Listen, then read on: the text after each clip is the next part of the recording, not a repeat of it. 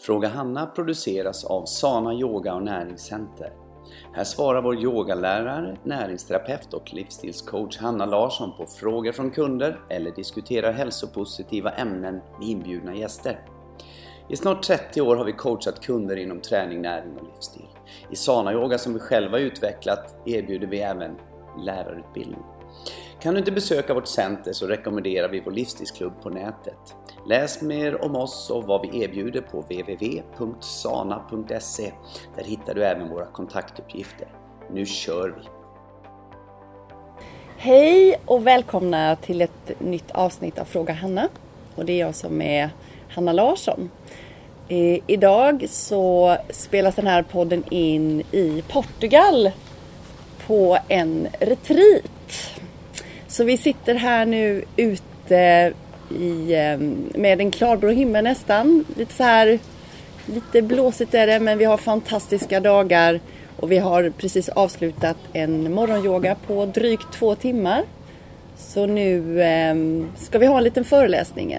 Och den här föreläsningen idag ska handla om eh, leven, andning,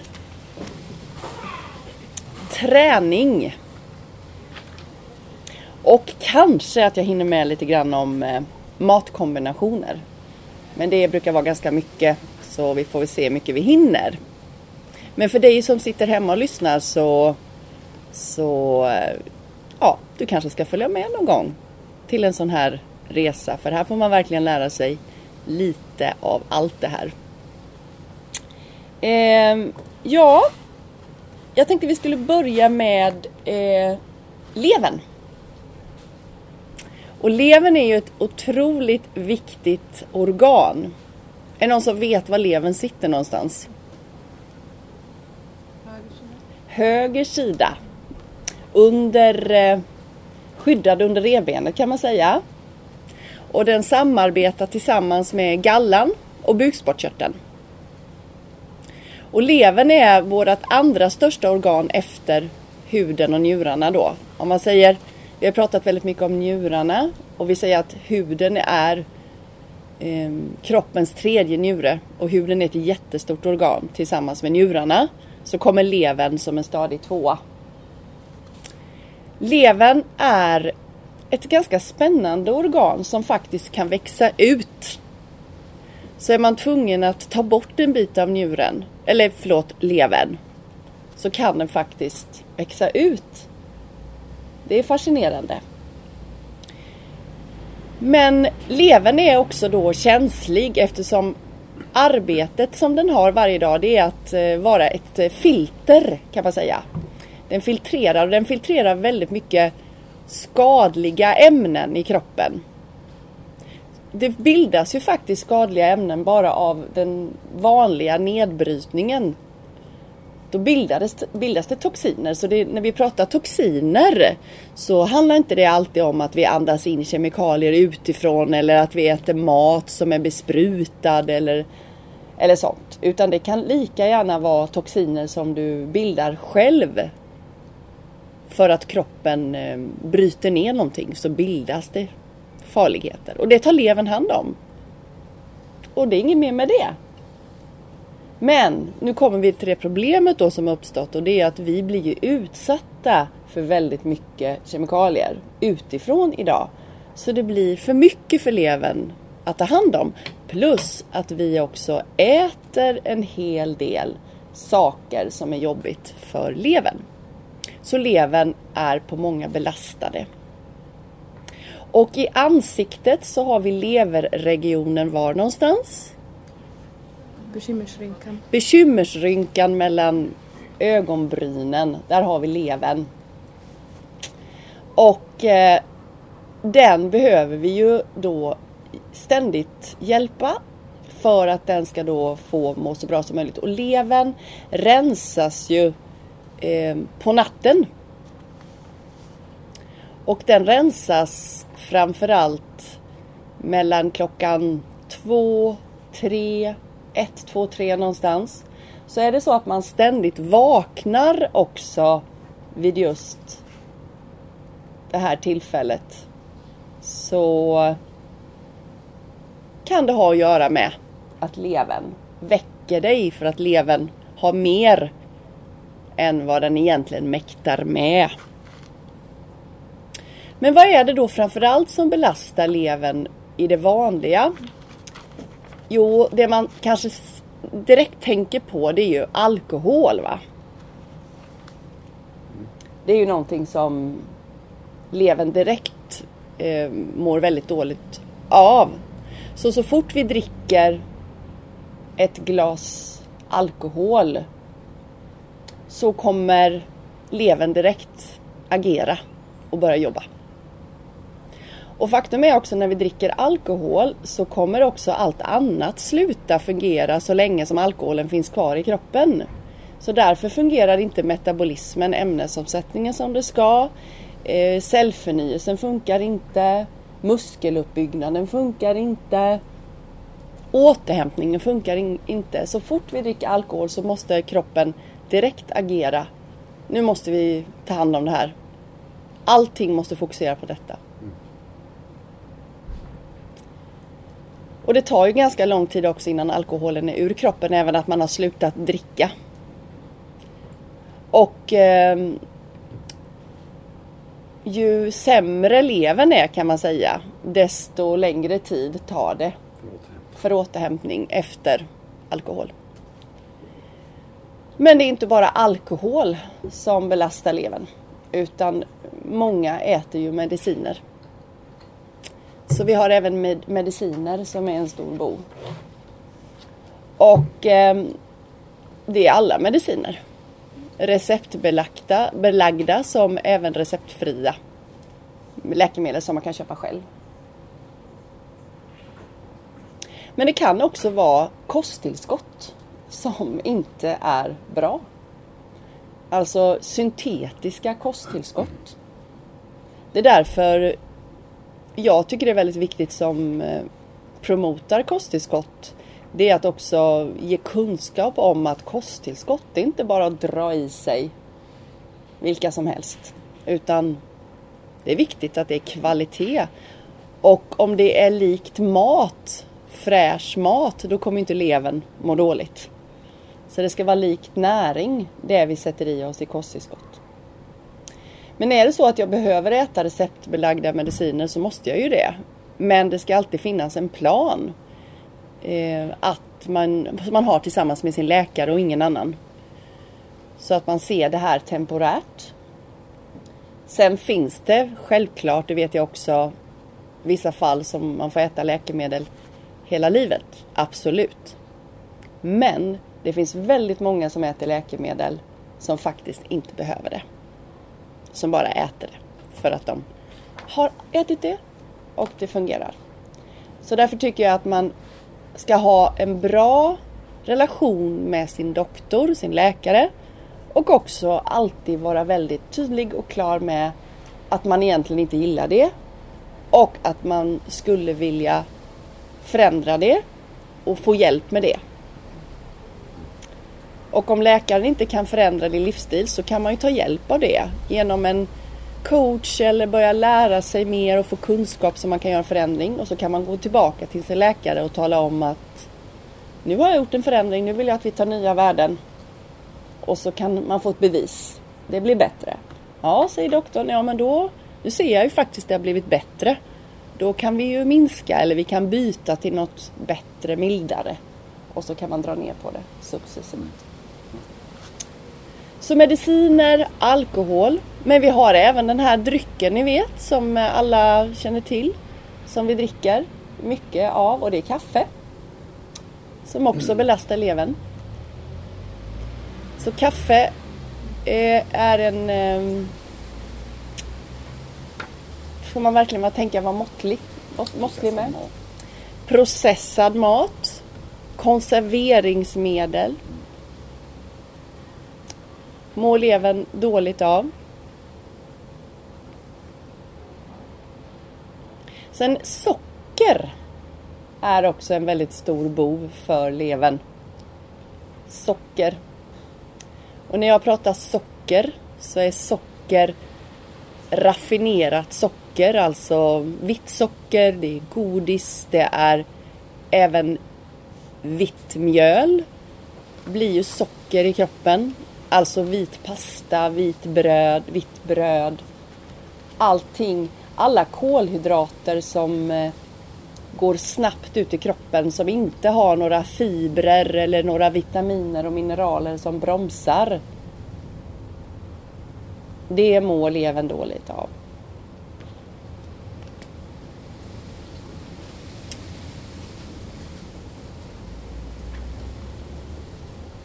Man kan känna på levern att den kan vara lite öm.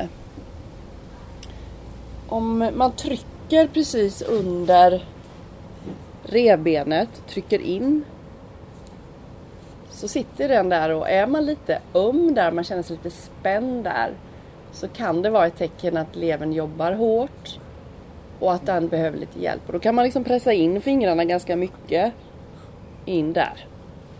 Elever sitter på fel ställe. Du menar för att hjälpa till? Ja, eller också faktiskt lägga märke till att den är lite öm, den är lite belastad. Precis som att man kan vara lite öm i en axel eller någonting så kan man, och man kan massera den lite för att hjälpa den lite.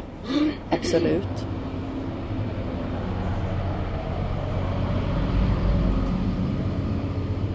Eh, I yogan då så gör vi ju övningar som eh, kan hjälpa levern i olika rörelser. Och eh, det är ju mycket med våran andning. Därför att andningen påverkar, yogaandningen påverkar ju diafragman.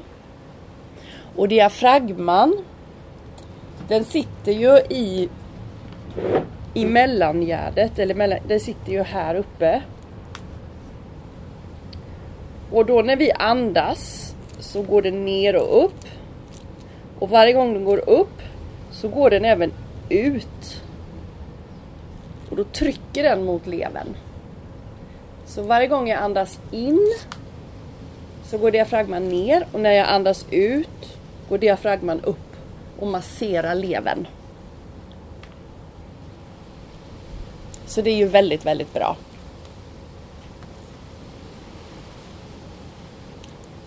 Men man kan behöva hjälpa. Jag, jag, brukar tänka på min lever som att jag tänker på att jag ska byta.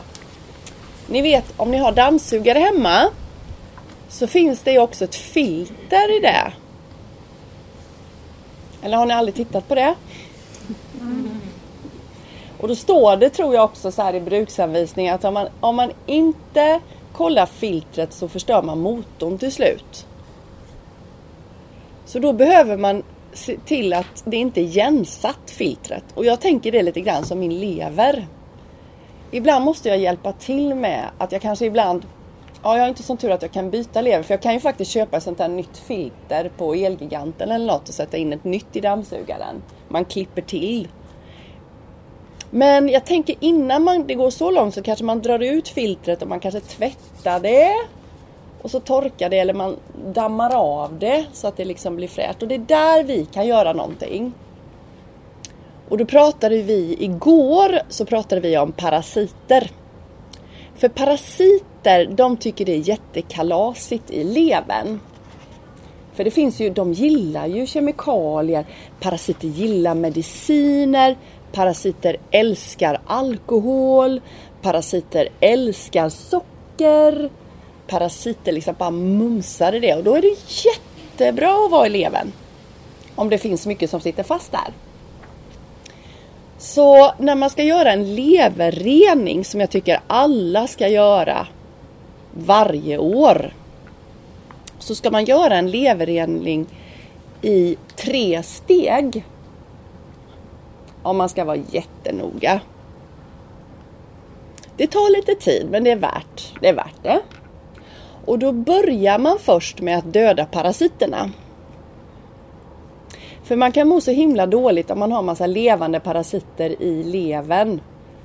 Och så ska man hålla på och försöka städa, eh, städa levern samtidigt. Och, och då börjar parasiterna att bara skrika och leva för de vill ju har mer mat och vill vara kvar där. Så det är bättre först att döda dem. Och då dödar man parasiterna i minst fyra veckor. Vi pratade lite grann om det igår. Gärna sex veckor tycker jag. Därför att parasiter kläcks när det är fullmåne. Så det kommer bli fullmåne här nere. När vi är här nere och då kommer det kläckas parasiter. Nya parasiter kommer kläckas i våran kropp. Mysigt va?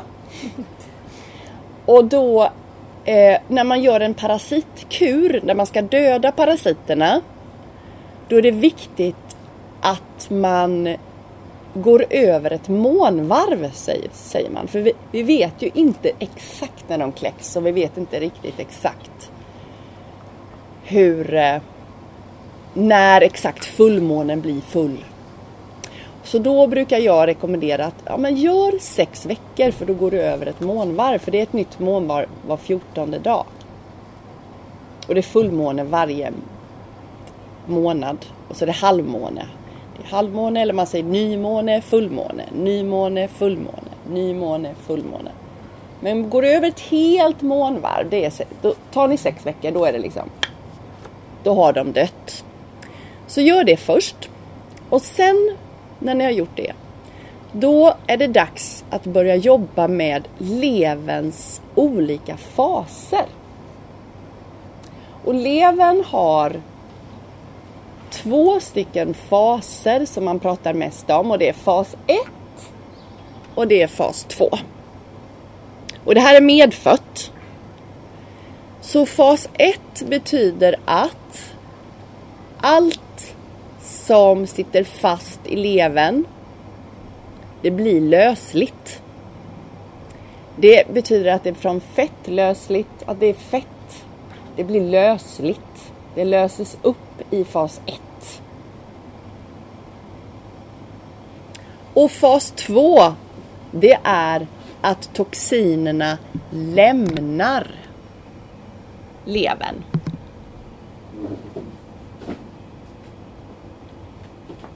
Men det är så här att en del av oss har lite bekymmer med de här sakerna. Det är svårt att veta. Men vissa av oss har svårt med fas 1. Och vissa har svårt med fas 2. Och vissa har svårt med båda två. Och då finns det en rening som hjälper dessa faser att bli bra. Och då dricker man en näringsdryck som heter Ultra Clear. Och då dricker man den i cirka 10 dagar eller mer. Det, kan man, det är lite individuellt så det kan man prata med mig om. Hur länge? Och under den här kuren på drygt 10 dagar så äter man också lite specifikt. Så får man ett matschema också av mig. Ät så här under tiden. Så kommer vi hjälpa levern. Och då förstår ni ju direkt vad vi har plockat bort också för det har vi ju Vi ska ju inte belasta levern mer. Sen när den kuren är klar och vi har liksom check, checkat av. Ja men det är bra nu, nu funkar det. Nu har vi gjort det. Då så gör man sista steget. Och det är att vi ska frigöra gångarna i levern. Vi ska verkligen blåsa rent i gångarna. Och då avsätter man två dygn. Så det här är väldigt bra att göra på en helg. Man ska inte gå och jobba. Då, utan man ska vara hemma Första dagen så kommer ni att äta ungefär som vanligt fram till klockan 12. Och efter det så kommer ni att börja dricka en, eh, en dryck som ni blandar ihop som kommer vara, verka laxerande och den öppnar upp i levern och i levern finns det massor av gallgångar. jag trodde jag skulle gå och spela golf på morgonen. Och då gör man det om- och ni får ett schema av mig. När ni ska dricka exakt. Så det kommer vara vissa, ja då ska ni dricka igen, då ska ni dricka igen, då ska ni dricka igen. För sen ska ni inte äta någonting, utan bara dricka. Och sen precis innan ni går och lägger er, för ni ska gå och lägga er klockan 10 den kvällen. 22 och det är väldigt viktigt. Och då ska ni ha med er till sängen. Ni ska, ni ska ha borstat tänderna, allt ska vara klart. Ni ska inte behöva gå upp mer, för ni får inte gå upp. Ni sitter på sängkanten och då ska ni dra i er en eh, dryck av olivolja och grapefrukt och citron. Så bara rakt av. Och sen ska ni lägga er ner på höger sida. Varför ska ni ligga på höger sida? På njuren, eller på levern. Det är leversidan.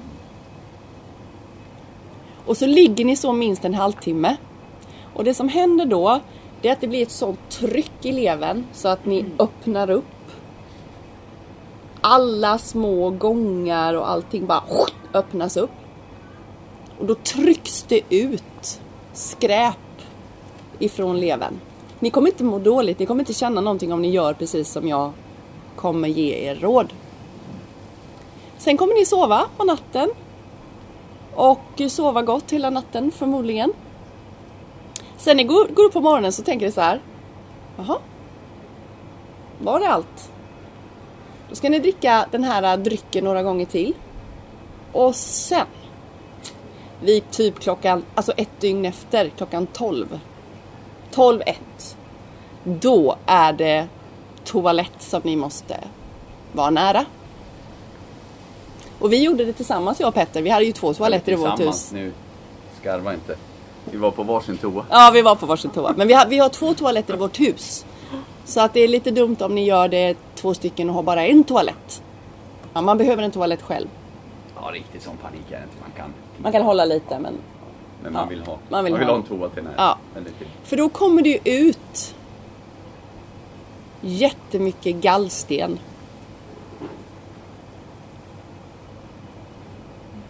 Så ni eh, kommer då att eh, fylla toalettstolen. Jag är ju väldigt intresserad så jag räknar i mina också. För de flyter. Och de är illgröna, en del är vita. Vita. Vita det är riktiga kemikalier, alltså det är riktigt mycket toxiner när det är vitt, grått.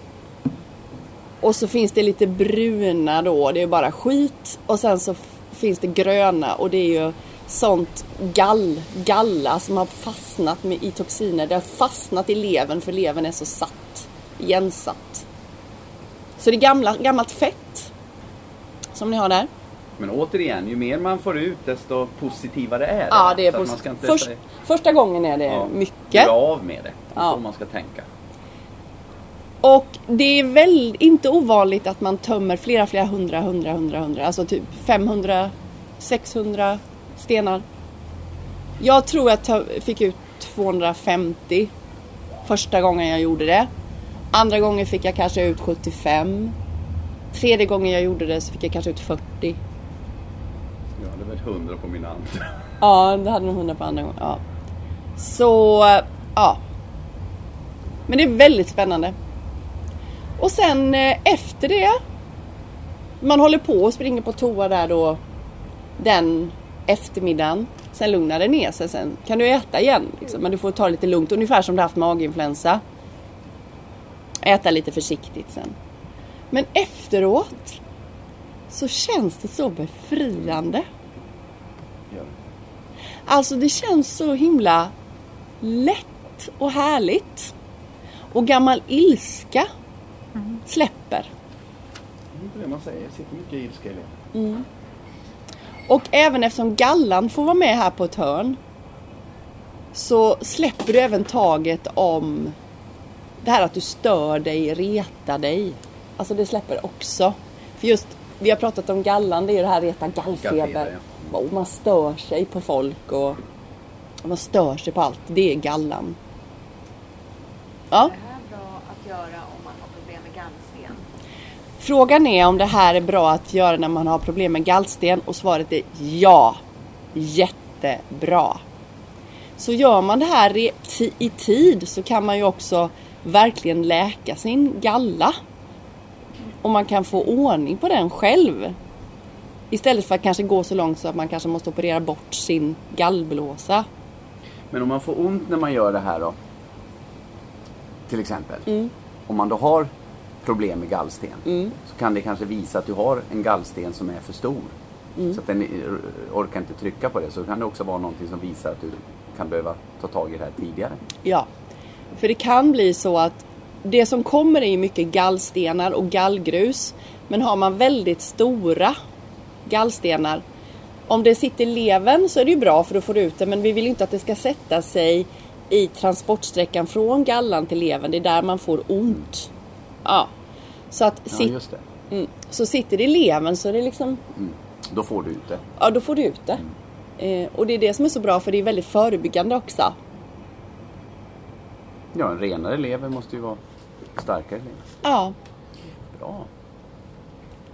så levern ska vi vårda och vara snälla med. Levern gillar bittra smaker. Bitterämnen gillar levern. Säg någonting som är bittert. Bittermandel. Ja, precis. Även surt. Citron är också jättebra för levern. Och eh, något som levern tycker om är ju det här surkål.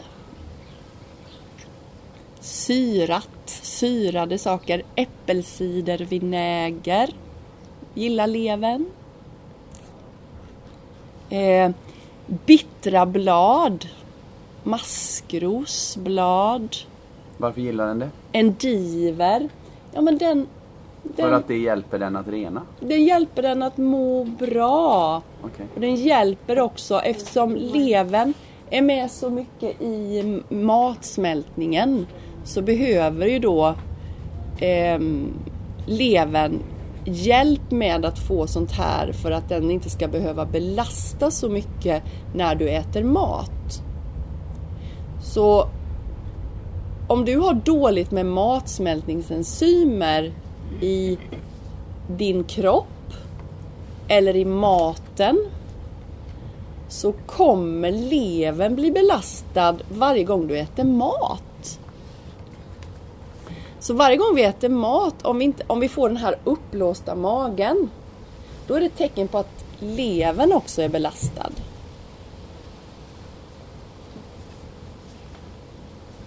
Så uppblåst mage är ett tecken på att levern inte mår bra.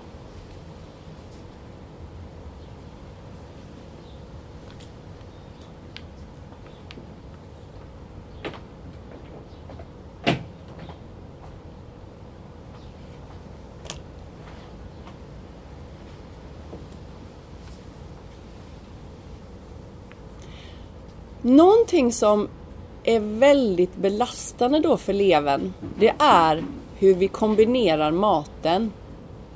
Matsmältningen och kombination, hur vi kombinerar maten. För om vi kombinerar maten fel så kommer det bli jäsning i tarmarna. Och vad bildas det när någonting jäser? Alkohol. Alkohol. Och det måste levern ta hand om. Och det måste levern ta hand om. Jag kan säga att det var städerskan på hotellet. Och inte vi. Så då vill jag prata om idag hur man kombinerar frukt. Frukt kombinerar man inte med någonting annat än frukt och gröna blad. Om jag äter frukt och müsli klassiskt. Då kommer frukten att jäsa Och då bildas det jättemycket alkohol. Och då kommer min lever att må väldigt dåligt. Jag kan alltså få skrumplever utan att ha druckit en droppe alkohol. Bara för att jag kombinerar maten fel. Och framförallt när jag kombinerar saker och ting med socker. Frukt innehåller ju socker. Det innehåller fruktsocker framförallt. Det är inget skadligt socker för oss. Det är väldigt bra för oss. Men om vi kombinerar socker med annat, till exempel protein eller fett, då kommer det bildas alkohol. Varje gång. Så om jag äter den där skinkan, vad är det man kombinerar med skinka? Melon och skinka. Att du tittar på mig. Ja, men jag, jag, jag visste inte vad jag skulle säga, men det var bra Anna, tack. Så där bildas det alkohol när jag äter det, fast jag inte dricker någon alkohol till. Men ofta så dricker folk alkohol till det också. Om jag äter müsli och frukt så bildas det alkohol. Om jag äter nötter och frukt så bildas det alkohol. Om jag dricker juice och äter nötter så bildas det alkohol. Om jag ät- dricker läsk och äter nötter så bildas det alkohol.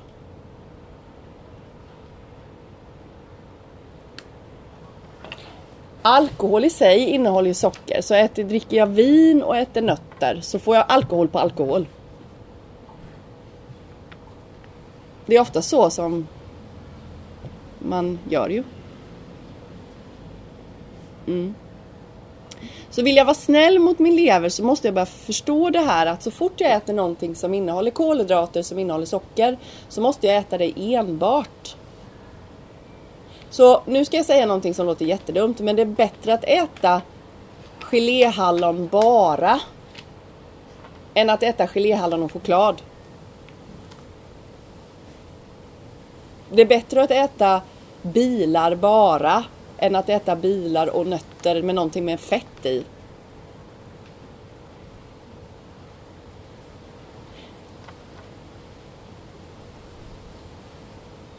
Så att så fort jag ska äta någonting sött så ska det inte vara någonting fett ihop med det. Och heller inte protein.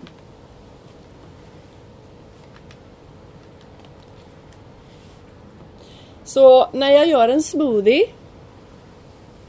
så är ju inte det bra att lägga kokosolja i en smoothie.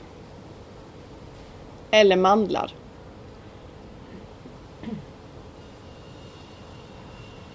Eller frön. Utan det ska ju vara bara frukt. Men det funkar med gröna blad. Selleri. Gurka. Funkar det jätte, jättebra. Men chiafrön kan man ha i. Chiafrön kan man ha i. Varför då? För de öppnas inte upp. De är liksom det här skalet. Hampafrön. Hampafrön lika så. För de är så små.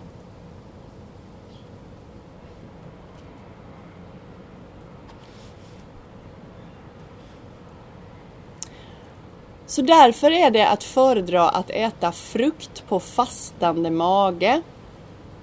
Och jag som äter så här som vi gör här nere i Portugal hela tiden, jag har ju inga problem. Jag kan ju äta frukt när jag vill för att jag har ju inget fett som stoppar någon gång. Hade jag kunnat äta frukt igår efter middagen? Varför då? Avokado. Avokado. Så därför väljer vi att servera sånt det sista vi gör på dagen. För då är vi fastande så många timmar till nästa dag. Men vi kan inte servera avokado till smoothiesen.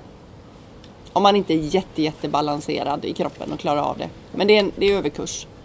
Det är många smoothiebarer som har avokado i sina smoothies. Mm.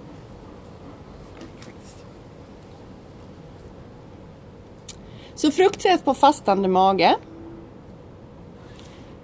Och eh, om jag äter något som innehåller fett, hur länge, eller protein, hur länge måste jag vänta till jag kan äta frukt igen? fem timmar om man har bra matsmältning. Ja. Har man dålig matsmältning så kan det vara 12 timmar. Det beror på hur fort det sjunker undan. Men jag brukar rekommendera så här att om du äter frukt och äter vanlig mat, ät frukt som frukost. Och ät ingen mer frukt på dagen sen om du äter vanlig mat. Utan du äter det som frukost. Det är det bästa. Eller så äter du frukt också som lunch. Som en smoothie till exempel. Och så kanske du äter frukt på eftermiddagen. Och så äter du vanlig mat på kvällen. Det är ett bra tips.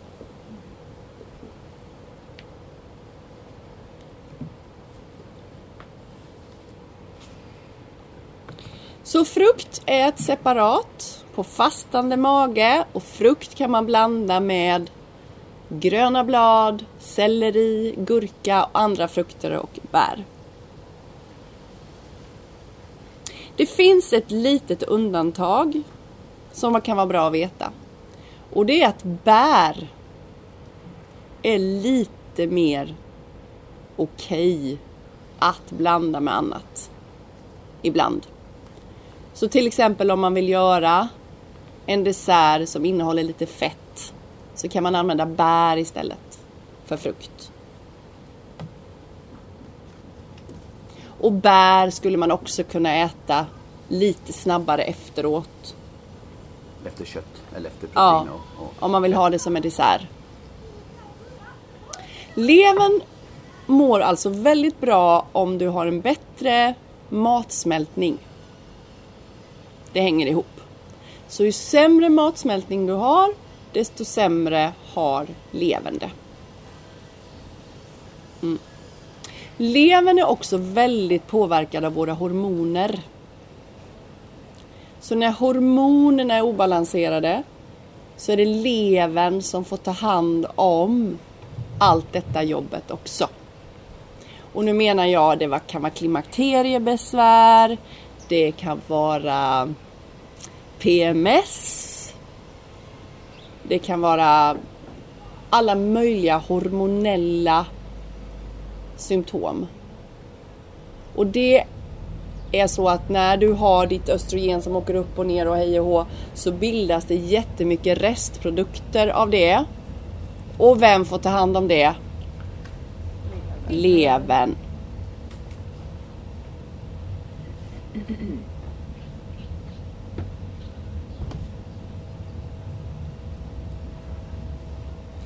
Något att tänka på. Men vi hjälper levern genom bittra ämnen, sura ämnen, bra matsmältning, rening,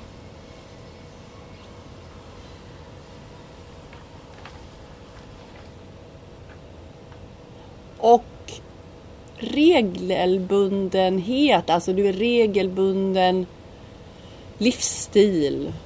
Eftersom att du behöver ju sova för levens skull djupt mellan 1 och 3. 1 och 4. Så att de, levern verkligen kan rena sig då, för det gör den själv.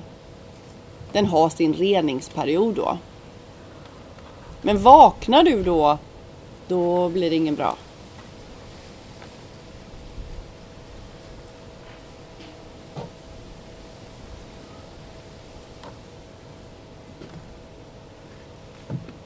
Mm. Har ni några frågor om detta så långt? Yes? Jag har funderat på en sak när det gäller det här att dricka citron på morgonen.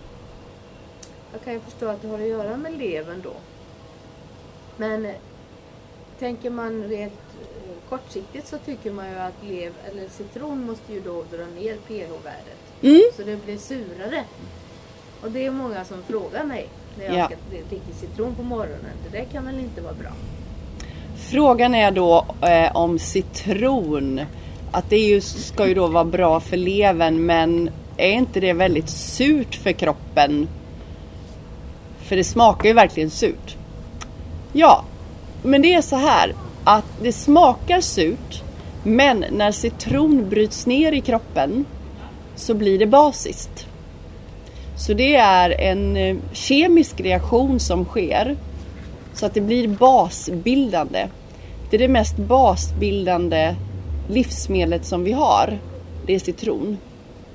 Så är man riktigt försurad då ska man ta mycket citron. För det är väldigt, väldigt basbildande. Så det är väldigt bra. Mm. Tvärtom, raffinerat socker gör precis tvärtom. Just det, Det bra Anna. Söta blir sura. Ja. De Jättebra. äter mycket socker. Så raffinerat socker är precis tvärtom. Det, blir för, det, det smakar sött och tänker man det är nog basiskt. Men det blir surt i kroppen. Så raffinerat socker blir jätte, jättesurt.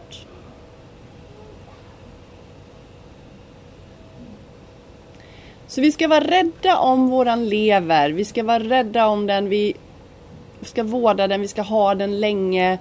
Det är verkligen ett viktigt filter. Och lägga sin hand på levern ibland och ge den lite kärlek, lite massage. Viktigt. Mm.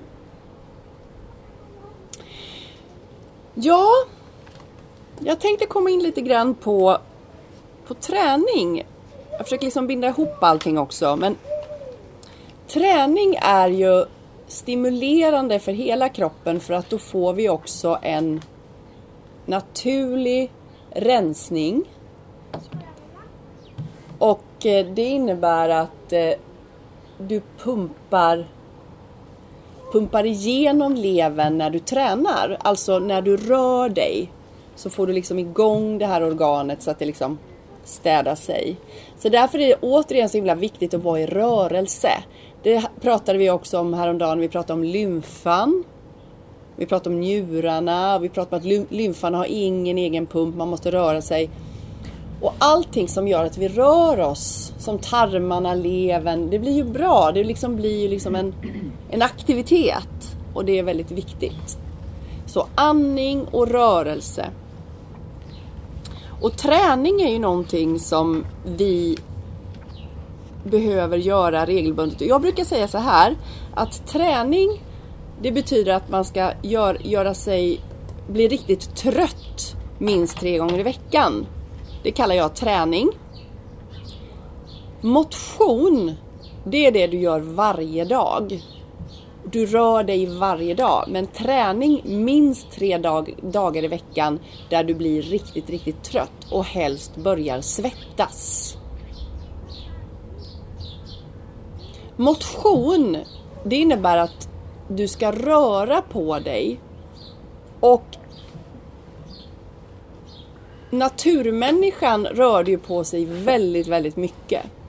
Och tittar man på naturfolk så är de ju gående väldigt mycket. Alltså de går och går och går och går. Och de går minst 10-15 000 steg varje dag. Minst! Så någonting vi behöver sträva efter under våra motionsdagar som är varje dag, det är att faktiskt gå, röra oss 10 till 15 000 steg varje dag. Gå är fantastiskt. Det är fantastiskt för koordinationen, för levern, för njurarna, för lymfan, för minnet, för ehm, koncentrationen, för immunförsvaret. Alltså gå är fantastiskt.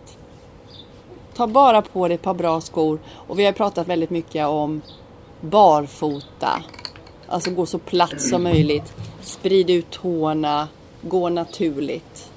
Gå, gå, gå, gå, gå. Och sen träna minst tre gånger i veckan så att du blir riktigt, riktigt trött i musklerna och att du får bli svettas. Gör man bara yoga och man jobbar rätt i yoga med andning då kommer man få en förbättrad kondition.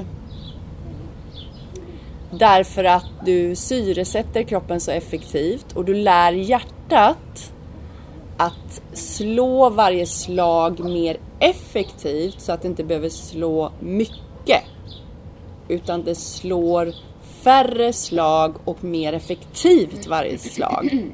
Därför att du ger kroppen syresättning.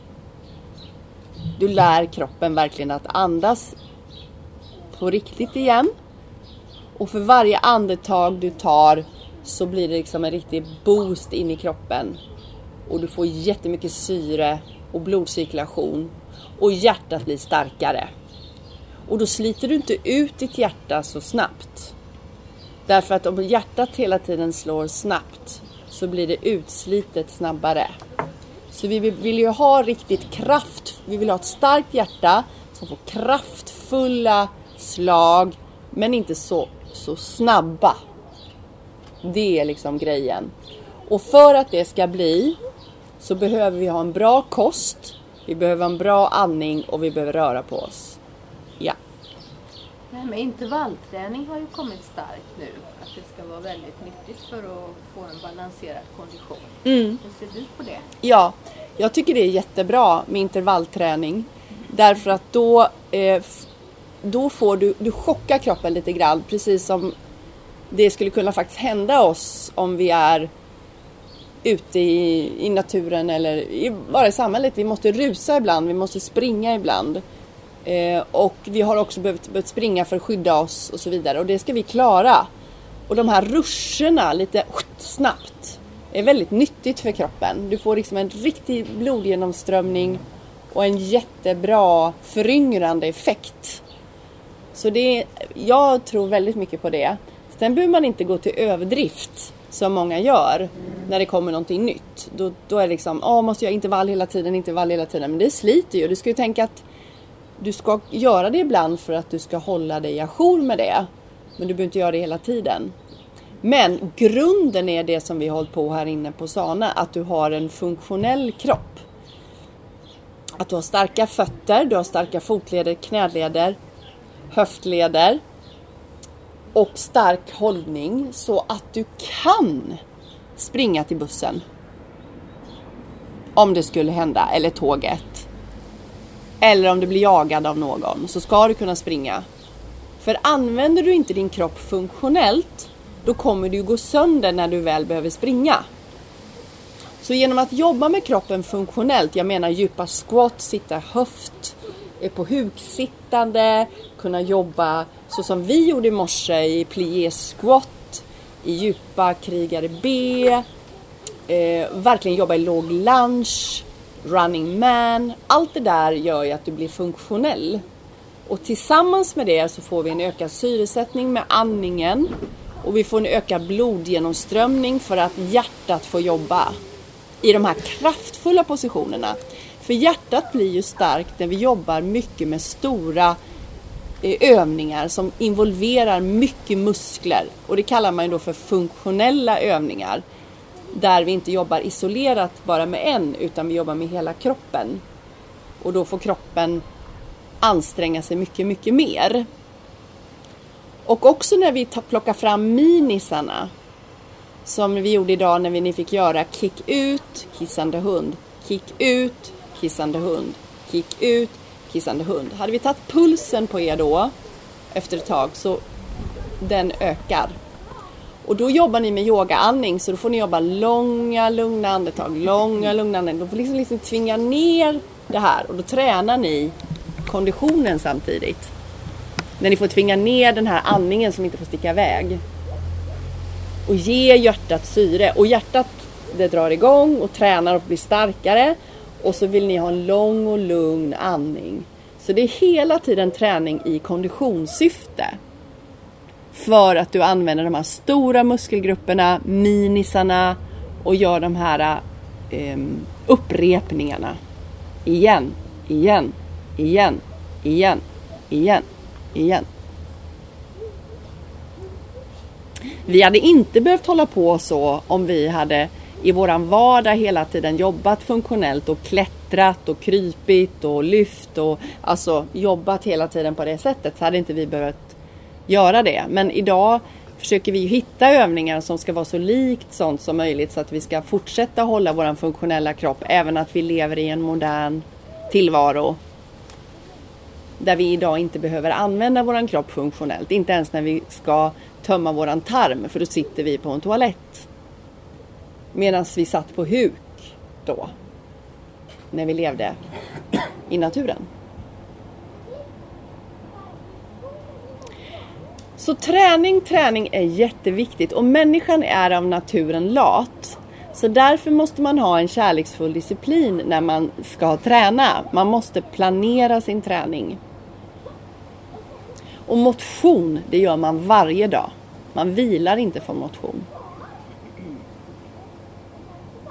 Det är, du kan vara jättetrött och stressad. Det kan du vara trött i, men du ska ut och gå. Kan ni säga, jag är så trött, jag, jag orkar inte, jag går och lägger mig. Nej, men du, har du inte fått ihop dina steg? Du, du måste ut. Och dessutom får du frisk luft då. Om du går ut. Så det är inte dumt att kolla sina steg och se vad man ligger på så man lär sig hur mycket rör jag mig egentligen på en normal dag med det jag gör. Det kanske är så att det räcker. Ni kanske går en bit till ni åker till, om ni åker buss eller tåg. Eh, ni kanske går till jobbet. Någon cyklar, alltså man rör sig till och från. Man går och handlar, man går och Trappa istället för... tar trappan istället för hissen. Ja, det kan ju räcka. Ni får kolla er själva så att ni får den här rörelsen i vardagen. Det är väl bra när man är sjuk också att röra lite på sig? Jättebra om man är sjuk. Och då klart kan man inte gå snabbt. Nu pratar inte jag, jag pratar inte någon powerwalk här, motion. Jag pratar om att röra sig lugnt och verkligen gå mjukt och bara röra sig. Om ni är oense med någon om något, ta en promenad och lös problemet då. För det har visat sig också att när du rör dig så fungerar hjärnan bättre. Och då kommer också dina signaler i hjärnan att bli stimulerade. Alltså du kommer kunna att eh, både tänka till bättre, klarare, få bet- ta ett bättre beslut och du kommer också hantera saker bättre när du rör på dig för att hjärnan stimuleras. Det finns en jätteintressant bra bok som jag precis läste ut som heter Hjärnstark. Som jag kan rekommendera er att läsa. En svensk bok som är helt baserad på forskning om hjärnan. Och där står det jättemycket intressant vad just och det handlar om vad motion gör för hjärnan. Jag tycker den är jätte, jättebra. Så den kan jag rekommendera. Och då får ni mycket fakta också. Den är på svenska. Mm. Men så är det någonting annat som vi behöver tänka på då när vi rör oss mycket som vi ska. Så behöver vi ett mineral som vi har fattigt av i våra jordar. Och det mineralet heter, är det någon som vet det? Magnesium. Magnesium tänkte jag på nu. Mm. Ja, men jag tänkte på magnesium i form i tränings... När man rör sig mycket. För magnesium finns i musklerna. Och det finns även i tarmarna. Så har man tendens till att få kramp, skakningar, problem med att tömma tarmen. Eller få det här kan jag få ibland sådana små tics. Någon som har fått det någon gång? Mm. Så här, va? Nervryck kallar man det. Ja. Det är typiskt magnesiumbrist.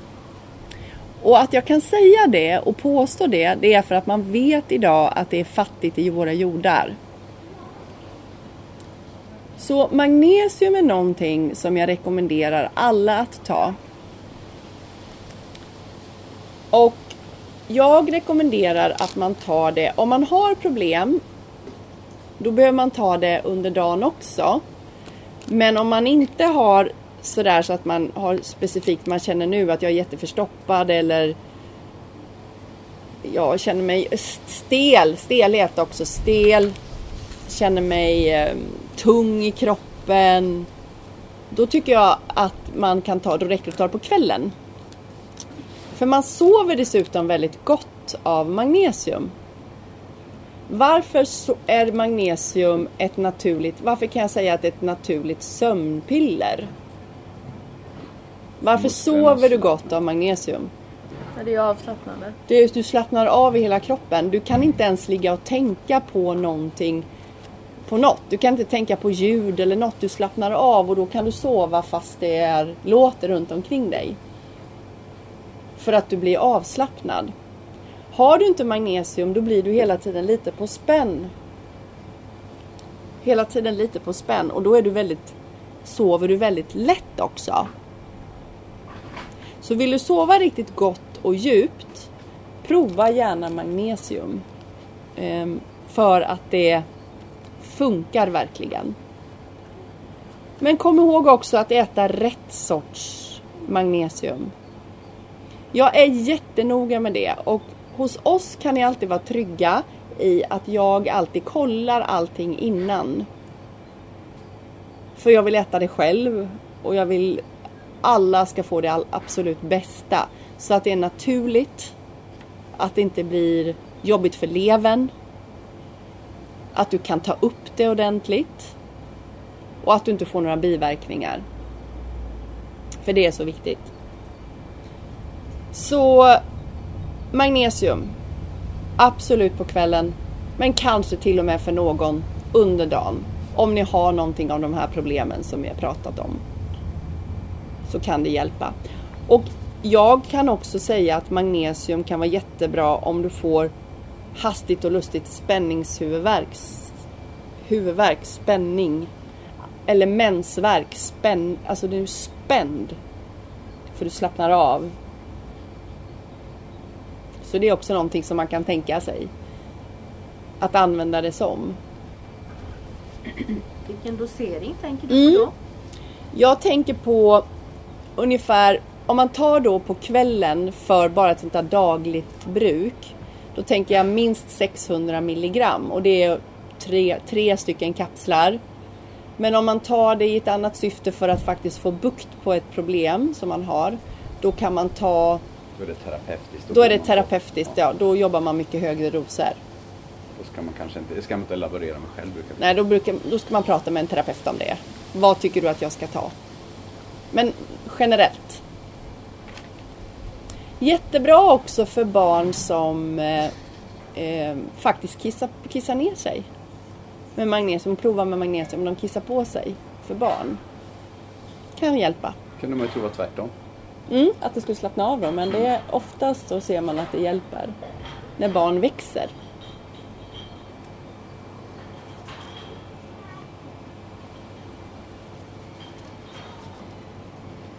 Mm. Så magnesium är viktigt. Träning är viktigt. Motion är viktigt. Det är viktigt att andas djupt. Det är viktigt att andas genom näsan. Och vi ska andas genom näsan inte bara när vi gör yoga. Utan vi ska andas genom näsan helst hela tiden. Till och med när vi pratar. Om man vaknar på morgonen och är väldigt torr i munnen och känner att man behöver dricka direkt på morgonen för att man är så torr i munnen. Eller om man vaknar på natten och är torr i munnen. Då sover man säkert med öppen mun. Och det är inte så jättebra egentligen. För att en öppen mun gör då att du får problem med saliven och tänderna mår dåligt av det. Jag har fått mycket bättre jag har inte så bra tänder i min grund. Alltså, jag får lätt hål och får lätt, alltid fått och lätt tandsten är också liksom, fast man brukar få det ena eller andra. Och jag har alltid skött om mina tänder jättenoga. Jag har dragit ut så mycket tänder, jag har haft tandställning, jag har all, haft allt man kan tänka sig. Eh, och jag har alltid frågat mina tandläkare, men jag tar tandtråd, jag borstar tänderna och jag... Ja, men du är född med dem. Alltså du har det från din grund. Du har fått det från din mamma och pappa. Eh, och, eh, så jag får alltid tänka jättemycket med mina tänder. Men sen jag har börjat att tejpa min mun på nätterna och göra oil pulling så säger min tandläkare bara Men! Du har inga hål. Vad fina dina tänder är. Yes. För jag sov ju hela nätterna med öppen mun. Så jag har ju andats och det har blivit torrt. Och då trivs ju, det blir en grogrund för mina bakterier. Så när jag stänger min mun på nätterna och sover med tejpad mun så blir mina tänder bättre. Och jag mår bättre för att jag andas genom näsan. Men jag tänkte vi skulle prata mer om sånt imorgon. Om eh, just hur man kan tänka med tejpa munnen och sånt om det är någon som är... För det är jag en stor fan av. Om det är någon som vill prova. Och om det är någon som vill prova här nere så har jag med mig tejp också. Ifall någon vill prova. Det är jättekul. Jättespännande. Och man sover väldigt, väldigt djupt och väldigt gott. Är det någon som har någon fråga annars? Någon mer fråga innan vi avslutar den här podden idag? Nej. Men då så säger jag väl tack och eh, bock för den här gången och så hörs vi nästa vecka igen. Ha en bra vecka. Hej då!